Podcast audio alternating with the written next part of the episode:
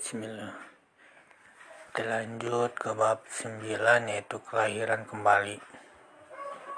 Menurut sejarawan filsuf abad ke-14, Ibnu Khaldun dinasti memiliki jangka waktu hidup alami.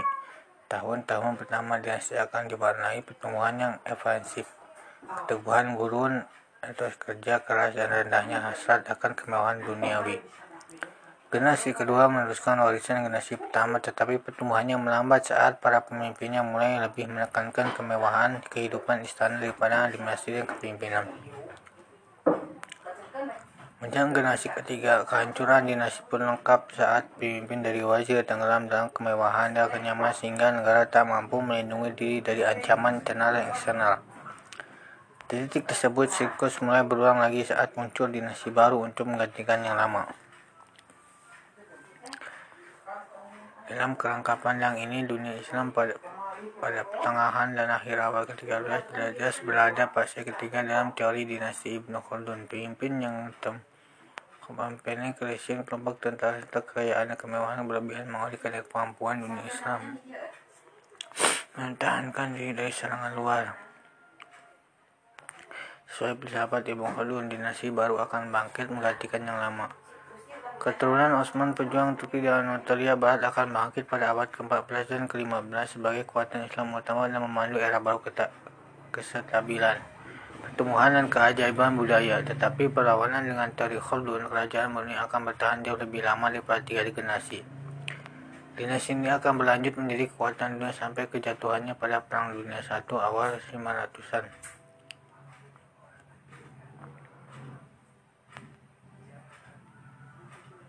Sebagai nasihat kepada Orhan. Aku namakanlah persoalan agama sebelum sebagai urusan lain. Ajaran agama membangun negeri yang kuat. Asal mula Ottoman akibat serangan gencar Mongol, banyak warga Turki yang melarikan diri ke Asia Tengah untuk mengungsi ke daerah perbatasan dunia Islam. Karena terbiasa hidup nomaden secara tradisional, mereka mampu beradaptasi dengan cepat dan mudah di mana saja. Termasuk di, di bekas wilayah kekuasaan Bizantium. Sejak sejuk mengalahkan Museum di Perang Majeerkat pada 1071 Anatolia terbuka bagi penakut dan pemukiman bangsa Turki. Saat Mongol masuk wilayah tersebut pada abad ke-13, sisa-sisa daerah kekuasaan Seljuk hancur selamanya dan Anatolia dikuasai oleh banyak dinasti Turki yang menyebar di seluruh semenanjung. Di negara-negara kecil disebut Belik ini biasanya didirikan oleh pemimpin militer karismatik disebut Bey. Seorang bayi bernama Osman mengatur negara tentara kecil di pinggiran Kaisar Byzantium. Dari sekian banyak belik di Anatolia, belik Osman akan bangkit menjadi salah satu kekuatan dunia. Penjawabannya sulit dipastikan, tetapi fakta pentingnya beliknya berbatasan dengan Byzantium yang sedang runtuh. Byzantium menjadi bayangan dari bekas dirinya sendiri. Kaisar yang pernah menjadi raksasa ini hanya mengandalkan Konstantinopel Yunani dan sebagian bahkan menjelang awal 13 ribuan daerah itu masih memulihkan diri sebagai penguasa Latin membawa bencana di Konstantinopel sejak 12.004 sampai 12.061 secara efektif mengakhiri kuasa Konstantinopel sebagai kota terbesar dan terhebat di dunia. Osman mampu mengembali mengambil keuntungan dari kelemahan Byzantium dan membidik perluasan daerah kekuasaan terus ke wilayah Byzantium. Lebih jauh ia dibantu kenyataan bahwa pengungsi dari dunia Islam sedang melarikan diri dari serangan Mongol. Ini memberikan sumber daya manusia berbagai belik kecil tersebut. Dalam konteks ini, gagasan tentang jihad di luar melawan pihak yang dianggap musuh Islam bangkit kembali, terutama saat Osman memimpin tentara menyerang. Musuh yang sama yang telah di, diperang Sarahud, Sarahuddin Muayyad dan Abbasiyah berabad lalu. Pendirian tradisional negara Ottoman Ottoman adalah perubahan bahasa dari Osmanli, nama Turki untuk Kerajaan Osman. Dianggap terjadi pada 1290 maupun penetapan tahun ini mungkin tanpa sadar. Saat gerombolan tentara di bawah pimpinan Osman dan anaknya, Orhan menguasai lebih banyak kota-kota Byzantium. Balik Ottoman mulai lebih tampak sebagai negara stabil daripada sekedar wilayah yang dikuasai gerombolan Turki nomaden. Farhan meneruskan tradisi Gozi ayahnya dengan memimpin tentara Byzantium di sepanjang pantai Laut Marmara yang berjarak tak sampai 100 km dari Konstantinopel. Dia juga mulai menyelesaikan Turki dengan gaya hidup yang lebih menetap. Kota-kota Byzantium di Anatolia adalah pusat perkotaan mapan dengan benteng pertahanan yang kuat. Ottoman tak bisa lagi mengandalkan taktik penyerangan tradisional yang telah menguntungkan Turki selama ratusan tahun. Bahkan mereka mulai mampu kota mengelilingi dan berusaha menekan lawan sampai menyerah. Orang-orang yang telah disibukkan dengan kekacauan sipil dibakar pada awal 13 ribuan tak mampu mempertahankan titik-titik keluar mereka di Asia. Ottoman pun dengan cepat meluaskan daerah kekuasaan saat Muslim melemah, Ottoman menguat. Dalam beberapa dekade, dekade pertama 13 ribuan mereka berubah dari segelombang tentara suku kecil menjadi beylik terkuat di Anatolia dan menjelma ancaman serius bagi keberlanjutan kesehatan Byzantium. Macam begitu kuat sehingga Kaisar Donitius dari Byzantium terpaksa bertemu dengan Orhan untuk membahas, membahas pembayaran upeti kepada Ottoman sebagai balasan atas keselamatan beberapa benteng Byzantium yang masih tersisa. Masih abad ke-14, Ottoman terus meluaskan pengaruh ke selama ini belum pernah dilihat pasukan Islam sejak serangan Umayyah ke Konstantinopel 700 tahun sebelumnya. Pada 350-an, Ottoman menyeberangi selat Dardanella dan masuk ke Eropa untuk kali pertama. Dengan memanfaatkan perpecahan Byzantium, Sultan Orhan kemudian anaknya Murad I mampu menegakkan otoritas Ottoman di tengah sebagai raja. Berkat sejarah nomadennya, Turki mampu memindahkan seluruh keluarga dan suku dengan mudah ke batas Eropa dan mendirikan kota di seluruh tanah taklukan. Perpindahan di besar ini memberikan stabilitas ke wilayah akan dikelola Ottoman.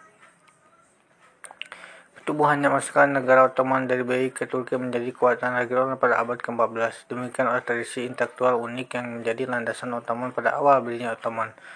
Perang melawan itu menjadi tugas keagamaan. Kosi pejuang iman yang bertemu di bawah pemimpin Osman Warhan dan Murad percaya bahwa mereka melanjutkan tradisi yang sudah berlangsung berawal tentang muslim yang angkat senjata Byzantium.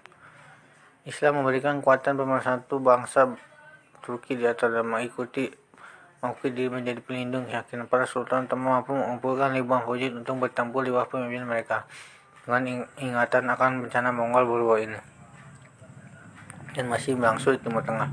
Harapan untuk menghadirkan kejayaan Islam sekali lagi menjadi faktor pendorong bagi bangsa Turki. Islam satu-satunya kekuatan yang mampu menjatuhkan sekelompok orang yang terpecah nomaden dengan beragam seperti bersatu pada abad 15. Karena Ottoman memberikan penekanan pada tradisi Islam, hukum perang Islam pun berlaku kembali pada 630 saat Khalifah Abu Bakar pasukan FSD ke utara untuk menghadapi Byzantium yang menerapkan aturan tegas untuk tidak melalui penduduk sipil atau mengambil harta pribadi. Hanya membunuh tentara musuh.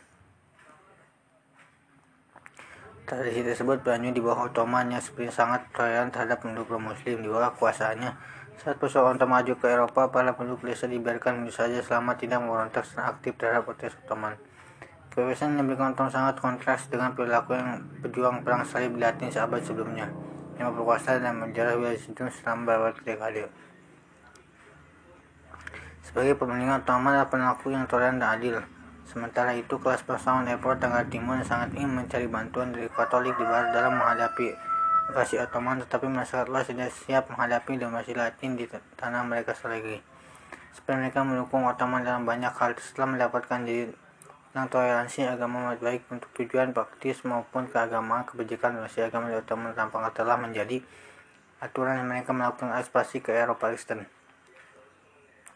Periode terbaik ekspansi awal Ottoman terjadi zaman Sultan keempat Bayezid Nama julukan sebagai tentara Hidrim yang berarti Hilindar karena ia mampu menggerakkan tentara bolak-balik ke Eropa dan Asia dengan cepat.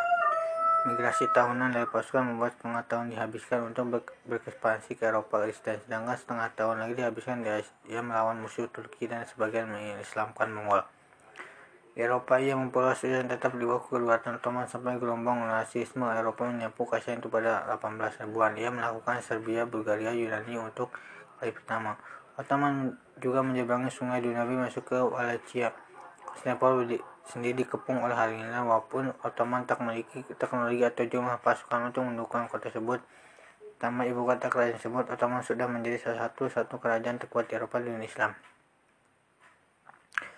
Kota ini menarik perhatian penguasa muslim yang berusaha menjadi penakut besar berikutnya. Timur pemimpin Mongol menguasai Asia Tengah dan Persia berusaha mengembalikan atas Mongol di Anatolia dengan menghadapi ekspansi Ottoman walaupun seorang muslim dengan timur dalam perang tak berbeda dari nenek moyangnya non muslim yang menghancurkan wilayah 100 tahun lalu Ia ingin mengembalikan Kaisar Mongol didirikan Genghis sehingga harus menghapuskan kerajaan antar benua Ottoman.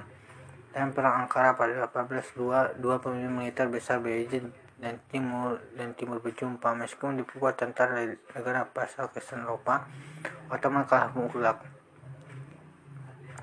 Sang yang Agung Musim ditangkap dan perang dan dibawa ke ibu kota kekuasaan Timur Samarkand. Sementara itu wilayah Ottoman dibagi kepada keempat anak Bayezid oleh Timur. Timur ia berharap mereka bertemu dan mengakhiri Kaisar Ottoman. Selama 11 tahun kemudian Kaisar Ottoman mengalami perang saudara anak Bayezid bernama Ismail Musa Sulaiman Muhammad membangun pasukan dan sering bentuk di Eropa serta Asia. Masing-masing berusaha menjadi poes tunggal kerajaan ayahnya. Ottoman Intrigenum demikian kerajaan ini disebut menjadi contoh salah satu Masalah Iran dan dinasti tak pernah ada seksi paman dapat dipilih oleh para sultan. Sepertinya Ottoman percaya bahwa anak yang paling mampu entah bagaimana akan bangkit dan menangkan takhta setelah kematian ayahnya. Ini kan memastikan hanya yang terbaik dan dinasti tersebut yang menjadi sultan sehingga negara akan tetap puas selama tetapi pada akhirnya Sesi ini menimbulkan perang saudara yang membuat pecah sebelah kematian seorang sultan ini terus akan menjadi masalah sampai Sultan Ahmad I merumuskan kebijakan suksesi resmi pada abad ke-17. Akan tetapi, pada awal 14-an anak-anak harus bertemu sampai mati menjelang 1413 Mehmed muncul sebagai pemenang dan saudaranya mampu menyatukan wilayah kerajaan di bawah kendalinya. Dengan cara menyatukan setelah militer tak penting penyebab keisaran mampu hati setelah perang saudara selama 11 tahun. Hasan utama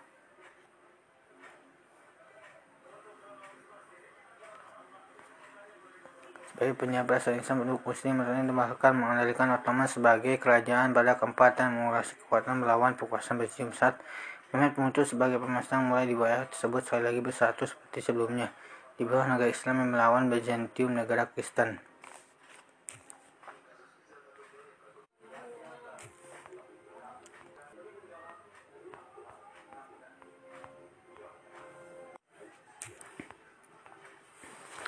Sebagai pemerintahan Islam meluk muslim yang telah ada bahkan mengharapkan sebagai menjadi kerajaan kuasa macam satu Muhammad muncul sebagai pemimpin.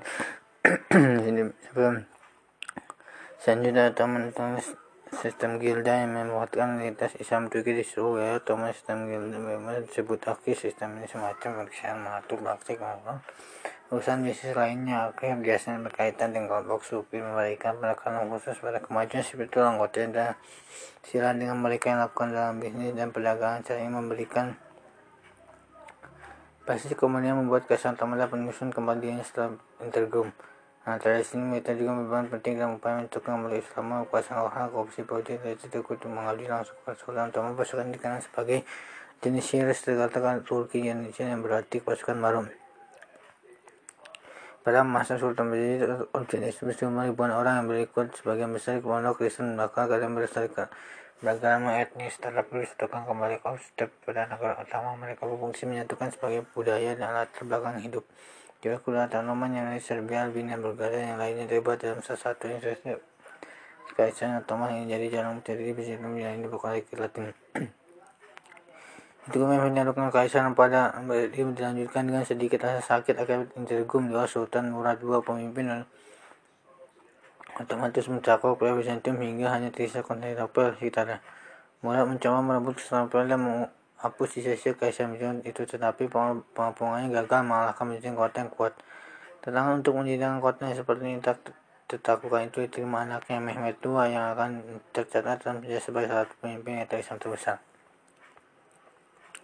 Kemudian Kaisar Ottoman Mehmet II naik tahta pada 1451 saat berusia 19 tahun. Kerajaan Ottoman sejauh ini menjadi kekuatan utama di Eropa Tenggara Antonia kerajaan motif etnis fleksibel dan kuat. Mungkin tak ada yang bisa melestarikan kerajaan selain Mehmet. Ia lanjut berbicara paling tidak enam bahasa yang digunakan wilayah kekuasaannya.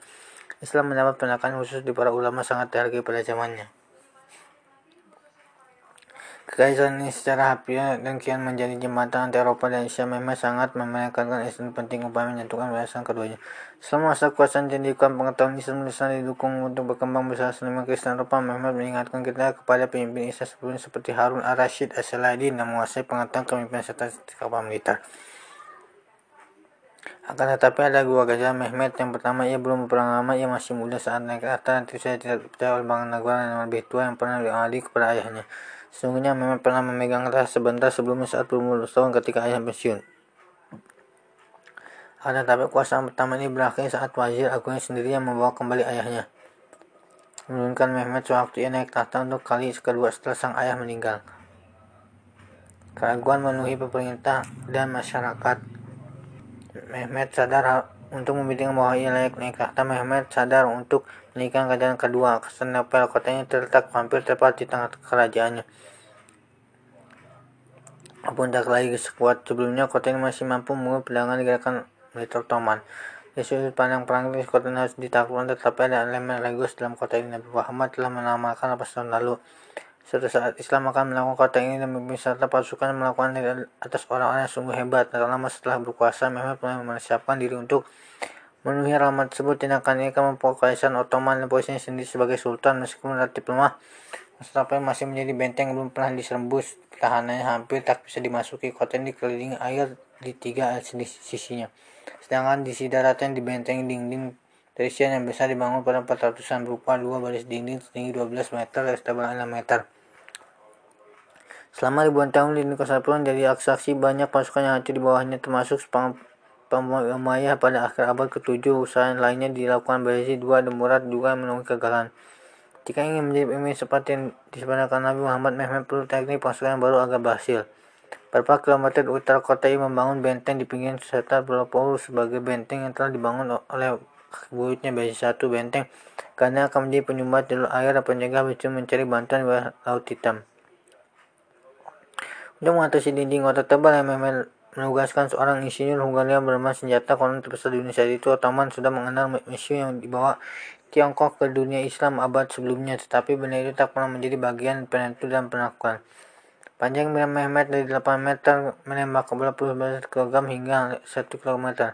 Dibutuhkan kanan terkuat di dunia untuk meruntuhkan dinding terkuat di dunia yang paling utama. Mehmet merekrut 1000 tentara termasuk orang-orang Kristen dari negara asal pasal di Balkan. Mehmet arahkan semua dalam pertemuan ini dengan persiapan tersebut kegagalan, merebut kota itu bisa menimbulkan pecahan kekaisaran Ottoman sendiri. Dalam Konstantinopel dari pecahan yang akan menguntungkan sang seorang muda Kaisar Constantinople ini mereka bertahan penampungan dengan meminta bantu ke Katolik, tapi banyak orang di Konstantinopel yang masih mengingatkan kehancuran kota di tangan tentara salib Katolik abad ke-13. Sebuah faksi Kristen Ortodoks juga bangkit dan menentang secara terbuka tentang kerjasama apa pun dengan, dengan Barat. Meskipun banyak rombongan datang yang telah menuju ke Konstantinopel untuk membantu pertahanan pecahan internal bukti menjadi salah satu alasan kejuaraan kota itu. April 1853 pasukan Mehmet tiba di benteng kota tersebut. Berapa ribu pasukan mampu mempertahankan kota dengan gagah berani di balik benteng masif tersebut. Tetapi akhirnya setelah berbalik terus menerus, usaha berulang melewati dinding dan Indonesia yang melibatkan 70-an kapal Ottoman sejauh kedua kali di daratan hingga ke pelabuhan kota itu melakukan pun dilakukan. Pada 2009, 453, pasukan Islam akhirnya berhasil melakukan kota Gres ini. Mehmet yang kemudian dikenal sebagai sang pelaku menjadikan kota ini sebagai ibu kota pemerintahan. Kekaisaran Ottoman tak lagi punya jalan kemasukan Mehmet menyebar ke seluruh dunia Islam sebagai puasa kuat dalam kekaisaran baru yang akhirnya memenuhi laporan pesan Tohol. Titik tersebut tak lagi kekaisaran Ottoman di puncak dunia Islam setelah menghancurkan Baghdad 1905 tahun sebelumnya menegangkan dunia Islam dalam, dalam sejarah sekarang Islam bangkit untuk membuat sebuah meraih barat suara melakukan kesalahan pun lebih dari sekedar pengembangan militer atas musuh dan melakukan ini juga menyebutkan kembali kembali Indonesia sebagai kekuatan imperial yang mentukar. Sudah sekian abad selalu saya penaklukan oleh bumi Rashid Umayyah dan membuka daerah ini baru untuk Islam. Masa awal saat Islam melakukan kota kuno seperti Damaskus, Testius, dan Totalido, mereka menciptakan budaya campuran yang mengagumkan budaya lokal Islam. Ottoman mengambilkan peran tersebut di kontinental kemudian dikenal sebagai Istanbul. Di kota Ottoman baru tradisi Bizantium, Romawi, dan Yunani menentukan napas segar, segar dalam konteks Islam. Contoh utama percampuran budaya ini masih melihat hingga sekarang kaki langit Istanbul. Gereja Hagia Sophia kuno yang dibangun 500 oleh Kaisar Julian Bizantium selama beberapa menjadi simbol kekuatan kekaisaran Bizantium. Setelah penangkapan Ottoman, gedung ini diubah menjadi masjid, tetapi tetap menjadi kawasan kota kubah raksasa menjadi imponasi dan modern bagi seluruh Ottoman. Masih sekarang dibangun di Mehmet II Sulaiman Ahmad Shah motif kubah raksasa maupun didapat sesuai penggunaan Islam. Yang mana tinggi serta KGP ada di dalamnya seperti dalam sejarah Islam sebelumnya melakukan tak menyebabkan penggantian satu peradaban dengan peradaban lain tetapi menciptakan peradaban yang berdasarkan budaya keduanya.